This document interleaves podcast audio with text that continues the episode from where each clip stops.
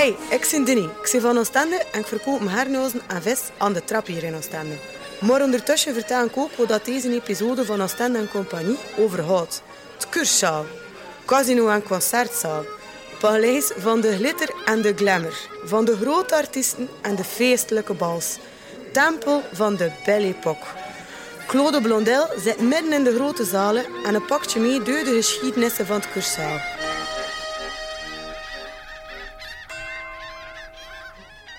Wel, ik zit op een heel mooie plek in het Casino Cursaal van Oostende. De plek waar normaal uh, het mengpaneel staat, eigenlijk de beste plek om een concert mee te maken. En ik zit hier omdat nergens in Oostende uh, is de getuigenis van de Belle Époque zo fraai en zo sterk als hier. De stad ontpopt zich tot mondaine badplaats. Het is nu eenmaal de koningin der badsteden, la reine des plages. Paul Landois, de toenmalige directeur van het oude casino, bekroont Oostende tot la reine des cités balnéaires, de koningin der badsteden, wat Oostende nu nog altijd meedraagt. Het is de Belle Époque, Belle Époque, maar niet Belle Époque voor iedereen. Je hebt de bourgeoisie aan de andere kant, je hebt toch socialistische ideeën die stilaan opgang maken. En ook de rage van het toerisme. De, het kusttoerisme begint. Kusttoerisme dat, uh, moet eerlijk zijn, uh, ook een andere kant heeft behalve het, uh, het grote mercantiele. Maar de arbeidersklasse is een beetje de dupe van al die toeristen die hier aanspoelen. En waar het mogelijk is, worden kamers omgebouwd tot uh, appartementen, gemeubelde appartementen die voorbehouden zijn voor uh, de zomerverhuring. En de arbeiders kunnen dus geen gemeubelde kamers meer huren.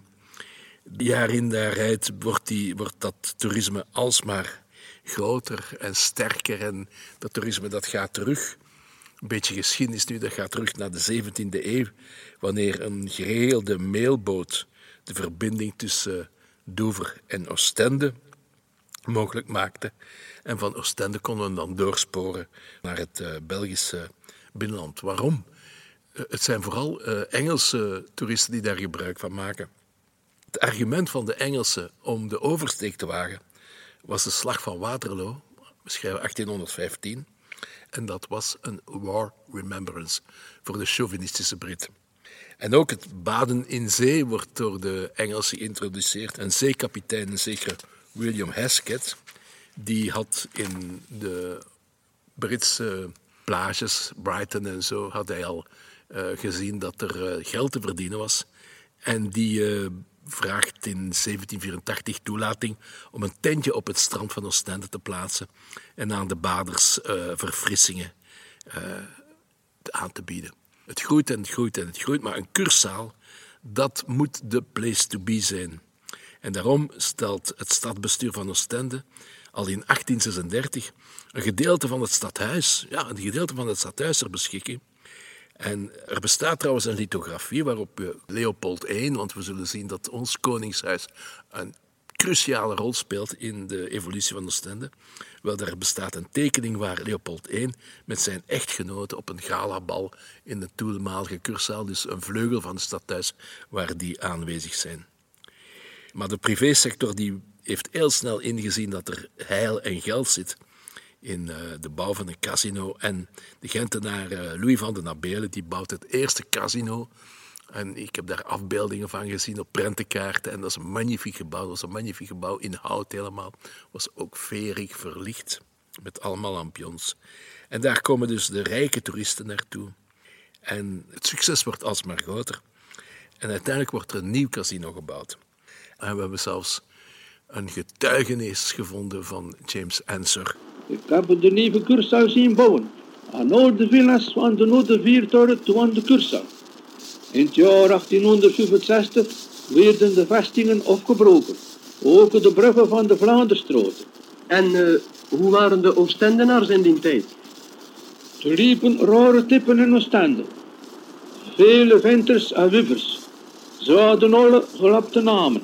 En vele liedjes werden gezongen in de Oostaansgetalen om ze te plagen en nu te lachen. Met van de rits om flits om de rildera.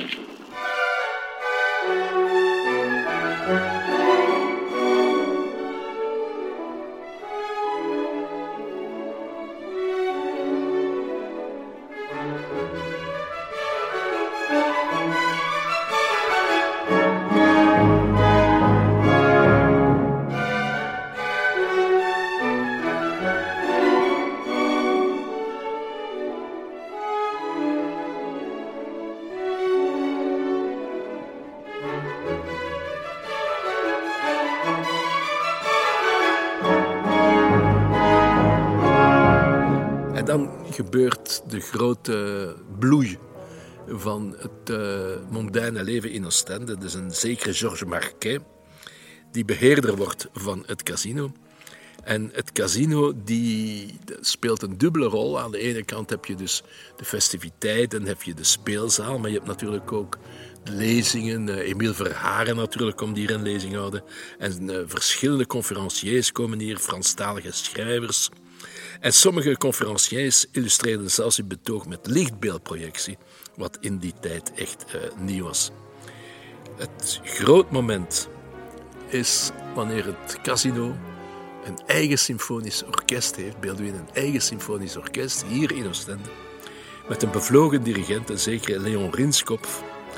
En uh, dat moet werkelijk een formidabele orkestleider geweest zijn. Dat orkest moet ook heel goed geweest zijn. Want hier wordt de grote klassieke muziek van die tijd gespeeld en zelfs componisten komen naar hier omdat zij horen dat het orkest zo goed is. Die komen naar hier om hun eigen werk te dirigeren.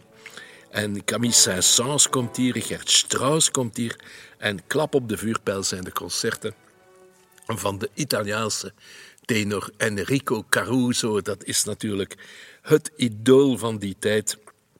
Le roi de ténor, die heel veel geld vraagt en dat ook krijgt en verschillende keren terug optreedt, want men weet wanneer Caruso komt, dan speelt men gewoon full house.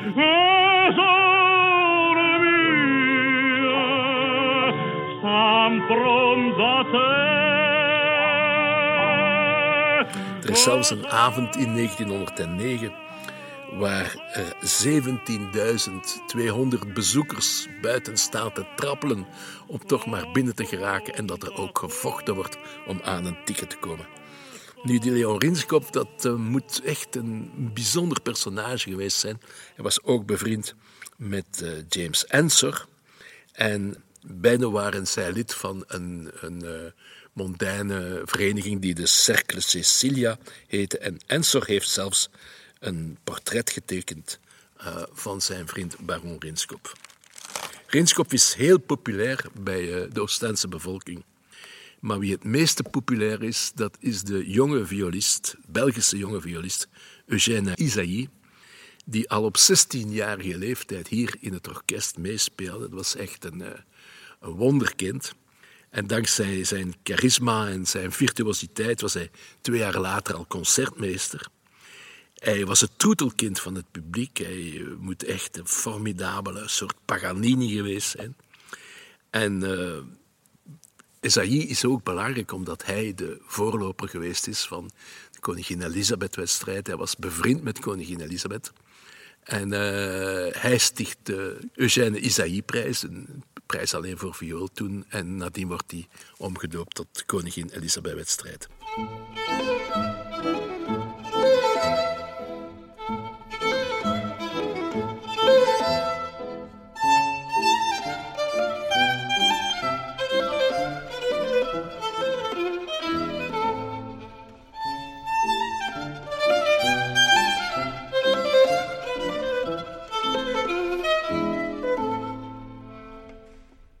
Is het culturele aspect, maar natuurlijk dat het niet alleen dat is. Er is ook heel wat fun. En er zijn concerten. En die concerten die beginnen om 7.30 uur s'avonds. Om 9.30 uur zijn die gedaan, want dan begint de ware leut. Dan is het de soirée dansante. En in de bibliotheek van Oostende heb ik heel grappige documenten teruggevonden. Namelijk de dagelijkse programmaplaatjes. Want elke dag was er een ander programma, beeld elke dag was er een ander programma. En elke dag werd er een klein programmablaadje gedrukt met een prijslijst in het Frans. Alles was in het Frans natuurlijk. Bijvoorbeeld een chocola simple aan 1 franc was even duur als een gobelet de champagne, geef toe, dat waren nog eens tijden. Maar duurder dan een absinthe Suisse. Je kon dus absint drinken en je kon zelfs kiezen tussen Zwitserse of Franse absint. En dat kostte maar 75 centime. Een whisky kostte 75 centime. En natuurlijk kon je er ook Havana-sigaren kopen en de betere Engelse sigaretten of een kaartspel. Het leuke van die programmablaadjes is dat er op de achterzijde was er reclame. En dat is wel heel typisch voor. Uh, dat dat uh, geeft je echt een, een, tijdsbeeld. Je hebt bijvoorbeeld reclame voor de Grande Boucherie krabbenwijnen, contrefilet, côte de mouton, viande de première qualité of valke Frère. En dat is een winkel waar je fietsen kan kopen. En die hebben ook een eigen velodroom waarom je, waarop je kan leren fietsen. Er is reclame voor een tandarts. En er is zelfs reclame voor madame van der Meers-Kevers, die dansles geeft.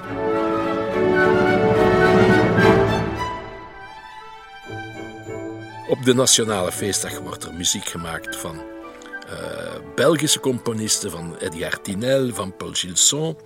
En een van de strafste ogenblikken hier in dat casino. En geef toe, dat moet toch ongelooflijk zijn wanneer in 1885 de wereldberoemde Johann Strauss, de koning van de wals, hier zijn eigen Am schönen blauen Donau komt dirigeren.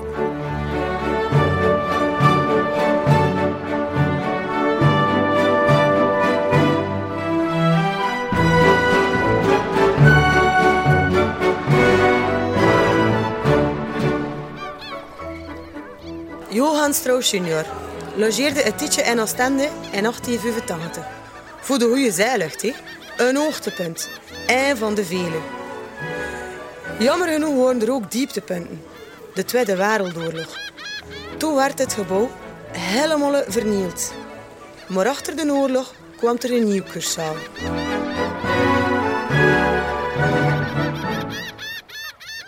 De opbouw van een nieuw casino krijgt voorrang en het stadsbestuur keurt het ontwerp goed. Op 20 juni 1953 een nieuw cursaal dat ontworpen werd door Antwerpenaar Leon Stijnen en wordt feestelijk inguldigd. Er zijn troubles geweest door grote problemen tussen stadsbestuur en, en architect, omdat niet altijd de nodige subsidies toekwamen of op tijd toekwamen. En Stijnen moet altijd zijn ontwerpen herzien, wat natuurlijk een wrang gevoel oplevert tussen opdrachtgever en uitvoerder, architect. De Oostendenaar heeft altijd wat heimwee gehad naar het oude casino van Chambon, omdat hij vindt dat de grandeur vergaan is, maar dat heeft ook te maken met de tijdsgeest. Het is nu eenmaal zo dat die tijdsgeest van de Belle Époque lang voorbij was. Als ik oude prentenbriefkaarten bekijk, dan begrijp ik het wel. Want dat oude casino, dat had iets feerieks, iets oosters. Het had zoiets van de verhaaltjes uit Duizend en één nacht. Het was werkelijk een droomsfeer. Maar na de Tweede Wereldoorlog, ja, dan, dan is de nieuwe zakelijkheid daar. En men maakt gewoon een casino in beton. Het wordt een periode van vlees en beton. Het is veel harder, het is functioneler. Nu, we mogen niet droevig zijn, want we hebben toch de Expo 58 en uh, ik was tien, toen tien jaar en voor mij was dat mijn eerste, uh, hoe zou ik zeggen, wereldreis. Die Expo 58 is voor mij het beste wat mij en wat België overkomen is. En onder uh, impuls van een nieuwe directeur, meneer Roger Victor de Ramé, krijgt het casino een nieuw elan.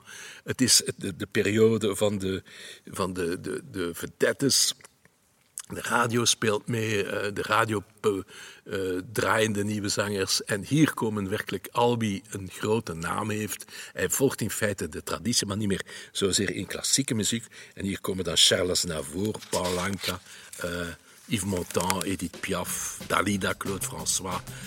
Fernand Del treedt hierop, Harry Belafonte en natuurlijk Johnny Hallyday. Pour moi la vie va commencer en revenant dans ce pays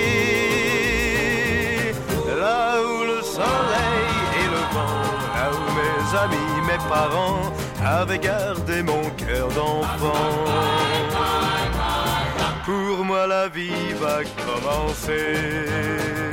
Er is één uh, memorabel moment. Dat is wanneer onze Jacques Brel hier optreedt in uh, 1967.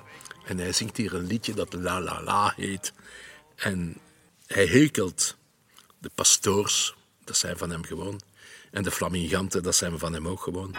J'habiterai une quelconque Belgique qui m'insultera tout autant que maintenant quand je lui chanterai Vive la République, vive les Belgiens, merde pour les flamingants.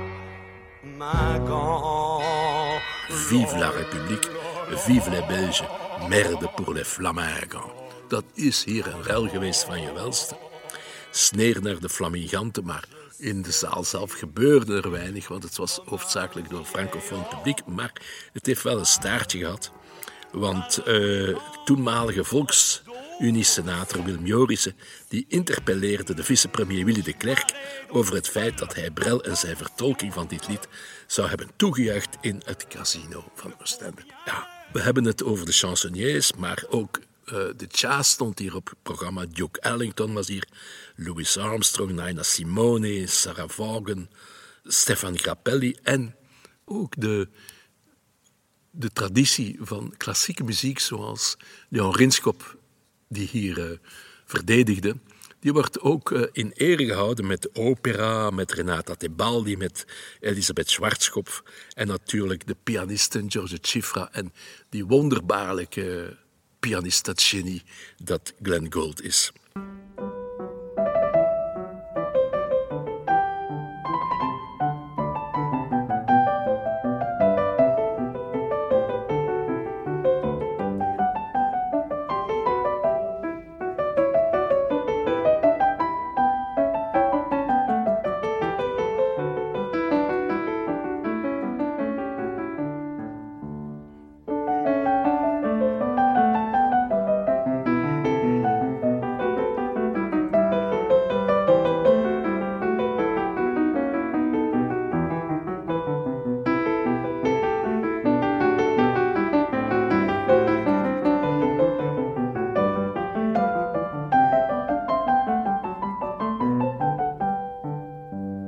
Had het al over uh, Rinskopf en Ensor, die lid waren van de vereniging Cercle Cecilia.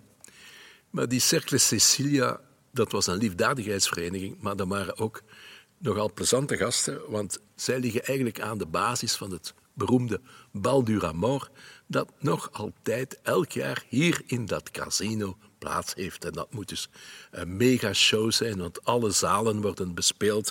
Overal lopen gemaskerde mensen rond. Dolle pret.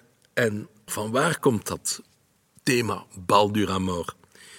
Het is zo dat in 1896 een groep vrolijke Oostendenaars, dus waaronder Reenskop en Emsor, naar Parijs gaan.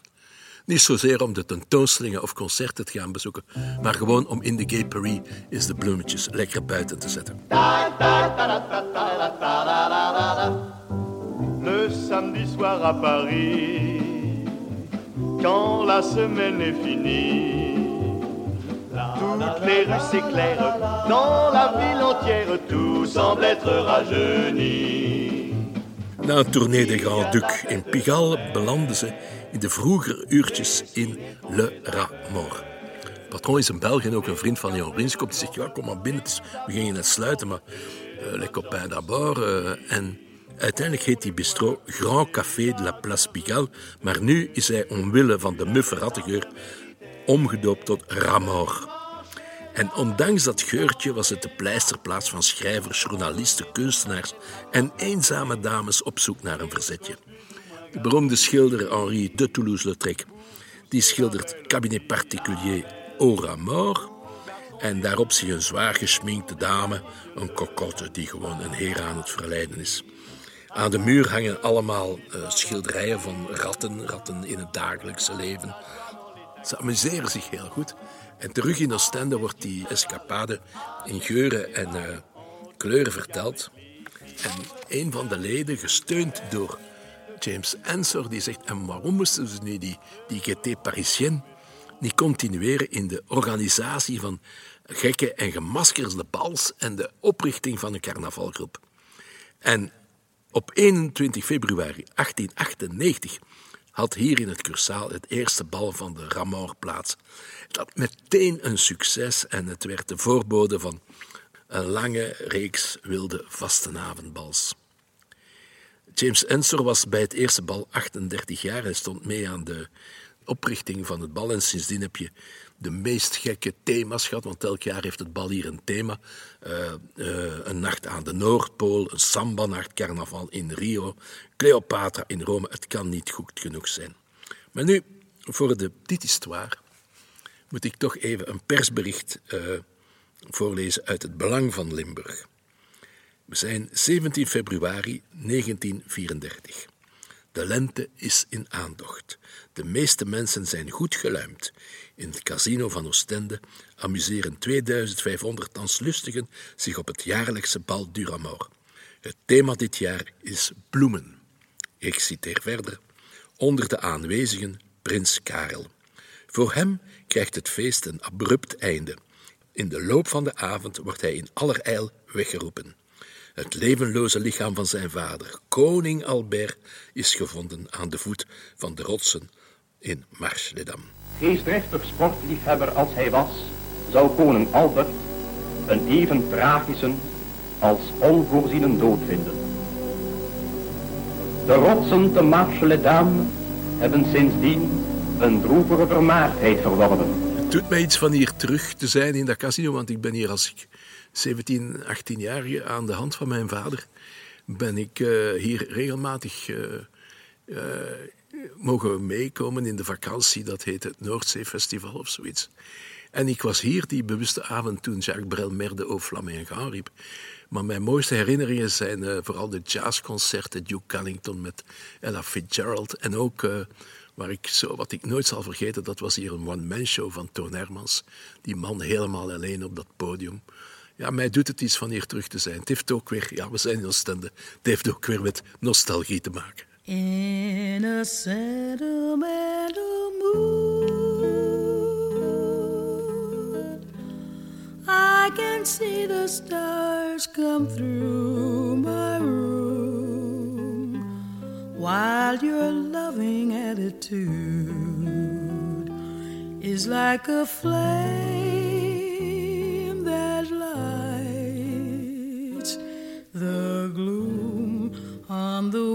of every kiss drifts the melody so strange and sweet in this sentimental bliss. You make my paradise